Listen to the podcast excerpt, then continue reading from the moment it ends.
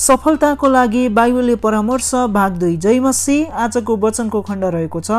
हितोपदेशको पुस्तक एक्काइस अध्यायको पाँच पद यसरी लेखिएको छ लगनशीलका योजनाहरूले लाभतर्फ उन्मुख गराउँछ त्यसरी नै हतार गरेर गर्नाले दरिद्रतामा पुगिन्छ।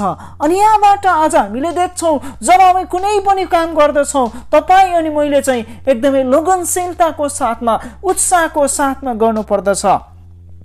अनि आज हामीले चाहिँ बुद्धिमानीपूर्वक हाम्रो समयलाई सदुपयोग गर्नुपर्दछ। अनि जब हामी त्यसरी मेहनत र परिश्रम गर्दछौँ अनि तपाईँ र मैले गरेको हरेक कुरामा चाहिँ आज तपाईँ अनि मैले चाहिँ लाभ र सफलतालाई प्राप्त गर्न सक्दछौँ। अनि हामीले जहिले पनि समयलाई ध्यान दिनुपर्छ।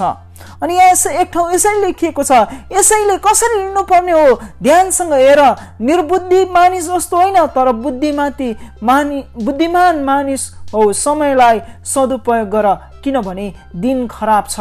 अनि यहाँनिर यसै लेखिएको पनि तपाईँ र मैले पाउँदछौँ कि आज हामीले चाहिँ बुद्धिमानीपूर्वक समयलाई सही सदुपयोग गर्नुपर्दछ।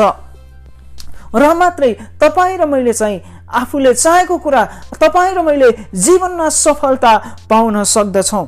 यदि हामीले चाहिँ त्यो चाहना गरे अनुसार तपाईँ र मैले प्राप्त गर्नको लागि पनि अनि अर्को खण्डमा यसरी भनिएको छ अनि तपाईँले कहिले पनि समयलाई त्यत्तिकै खेर नफाल्नुहोस्।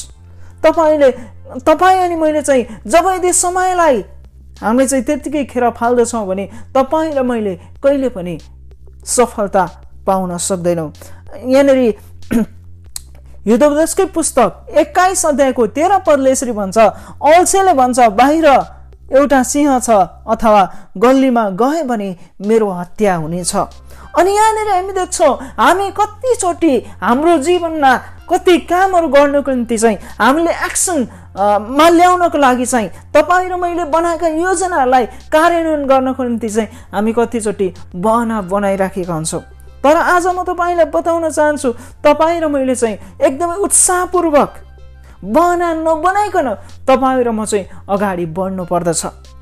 अनि जब अनि मात्रै तपाईँ र मैले चाहिँ सफलता पाउँदछौँ अनि तपाईँ र मैले चाहिँ जहिले पनि हामी सक सक्रिय भएर अनि हामीसित भएका उपलब्ध हुने कुरा नै तपाईँ र मैले प्रयोग गर्नुपर्दछ।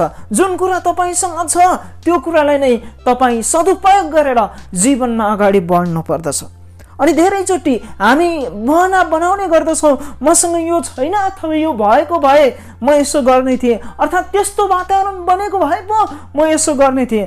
तर म तपाईँलाई यो उत्साहित गर्न चाहन्छु तपाईँ सबै बहनालाई पल्छाउ पन्छाउनुहोस् र तपाईँ र म चाहिँ आज हामीले चाहिँ त्यो सबै कुरालाई चाहिँ हटाएर आज हामी अगाडि बढ्नु पर्दछ।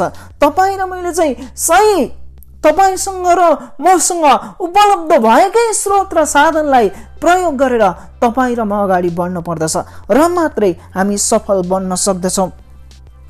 अनि जब हामी देख्छौँ म तपाईँलाई एउटा खण्ड याद दिलाउन चाहन्छु।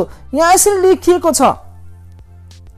एउटा उखान जुन चाहिँ